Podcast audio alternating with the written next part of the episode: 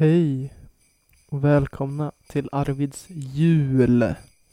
Um, Okej, Viktor har redan bett om ursäkt för det som kommer senare, men i alla fall dagens gäst den 12 i 12 i 12 nej, det är 2015 nu, men ja, i alla fall Viktor Bergo Garcia. Um, ett alldeles lysande avsnitt. Man vet att det är Viktor Även om man inte känner honom så vi... Ja, nej, jag vet inte. Det kanske var konstigt sagt. Men det här är Victor Berrio Garcia. Oj, nu tar bjällrorna över. Vi låter honom börja innan de tar över hela världen. Hej. Hej, Arvids julkalender. Mitt namn är Viktor och jag är tenor. Eh, det betyder enligt Svenska Akademins ordlista att jag tycker om att sjunga högt och starkt.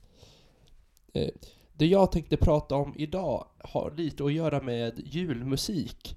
Eh, en viss sak inom julmusik som kanske gör det ännu lite juligare.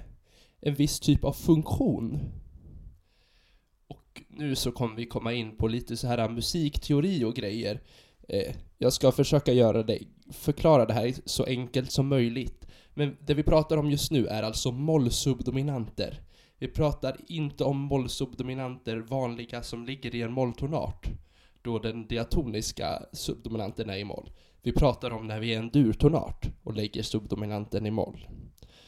Och jag förstår att om ni inte har läst någon musikteori överhuvudtaget så är ni nog ganska borta vid det här laget. Vad är det han pratar om egentligen? Så därför ska jag försöka visa lite vad det är för typ av grej. Ni behöver inte egentligen förstå någon typ av musikteori mer än att det här som vi kommer att höra exempel på alldeles snart är mollsubdominanter.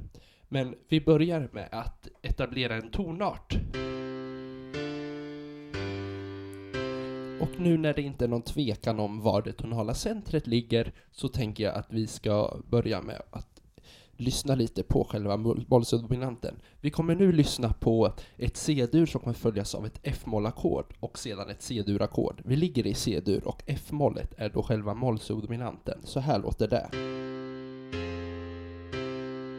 Som ni hör så var ju det här ackordet i mitten där som ni hörde var alltså mollsubdominanten och som ni hör var det fantastiskt bra ackord. Eller ja, egentligen funktion om man ska vara lite mer noggrann för ackordet är ett F-mollackord och F-mollackord i sig behöver inte nödvändigtvis vara så här äh, fantastiskt mysigt och smörigt. Men i ett C-dur-tonart så kommer det vara det. Men man kan ju ta det på så många olika sätt. Här har vi en variant där vi kommer ligga kvar med C-basen så att vi kommer ha kvintbas på F-mollet. Och nu när vi är ganska bekanta med själva ackordet som sådant så kan vi också börja tänka oss vad är det för färgningar man skulle kunna använda på det här. Och då är den helt klart vanligaste färgningen att ha en sexa, så vi kommer få ett C-dur som följs av ett F-moll 6 som följs av ett C-dur-ackord. Detta låter så här. Och för er musikteorikunniga så kan jag berätta att det här i ett moll 6-ackord så kommer det ligga ett tritonusintervall mellan molltersen och sexan, precis som mellan durtersen och sjuan i ett dominant-ackord Och detta gör att den får lite mer tydlig ledande effekt, det här äh, ackordet, när man har en sexa på. Men moll 6 är inte den enda fyrklangen man kan ta på, ett, eh, på en mollsubdominant. Man kan faktiskt använda sig både utav den lilla eller den stora sjuan, alltså ett moll 7-ackord eller ett moll-maj-ackord som gör att det kommer ta lite olika skalor. Det beror lite på sammanhang vad som passar. Men ni ska få höra båda varianterna. Först så kommer vi höra en kadens innehållande ett F-moll 7 och sedan en kadens innehållande ett F-moll maj.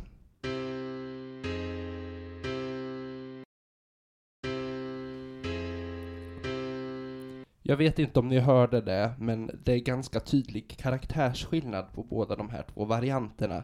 Den första varianten är som att man gör om tonarten helt till C-moll, medan den andra är lite mera som att bara ligger en mollsubdominant i C-dur. Men innan vi slutar så tänkte jag att vi ska lyssna på en sista variant av mollsubdominant ackord. Och i den här gången så kommer det vara ett mollmajackord som vi redan har hört som kommer följas av ett mollsex så att det kommer att bli en melodisk gång via maj sjuan till sexan och den kommer så småningom landa på grundtonen i C1 sen. Ni, ni, ni ska få lyssna. Och som ett exempel på en låt där eh, mollsubdominanter används eh, ganska flitigt så kommer vi lyssna på Jul, jul, strålande jul här i en fantastisk eh, midi-komposition som är direkt plankad av det standardkörarret på det här och satt i C-dur för att vi är ändå i C-dur så att då kan vi ju ligga kvar här.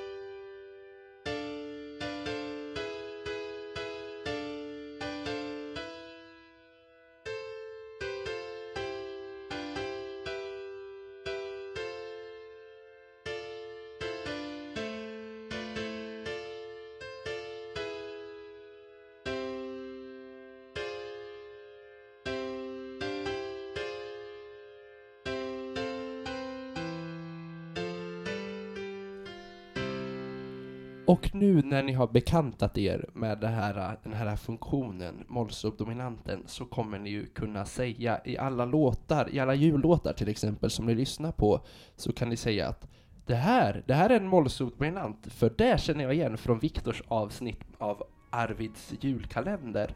Och med de orden så skulle jag vilja önska er alla en riktigt fantastiskt mysig jul. Ha det jättebra! 走过一日一日一。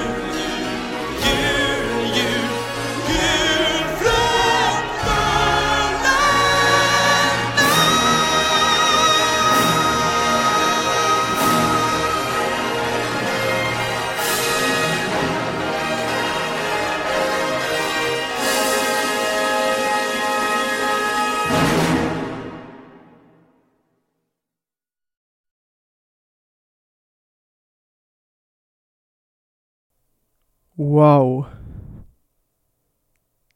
Ja. Wow. Vilket nummer.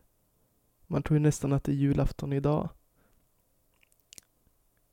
Lyssna imorgon.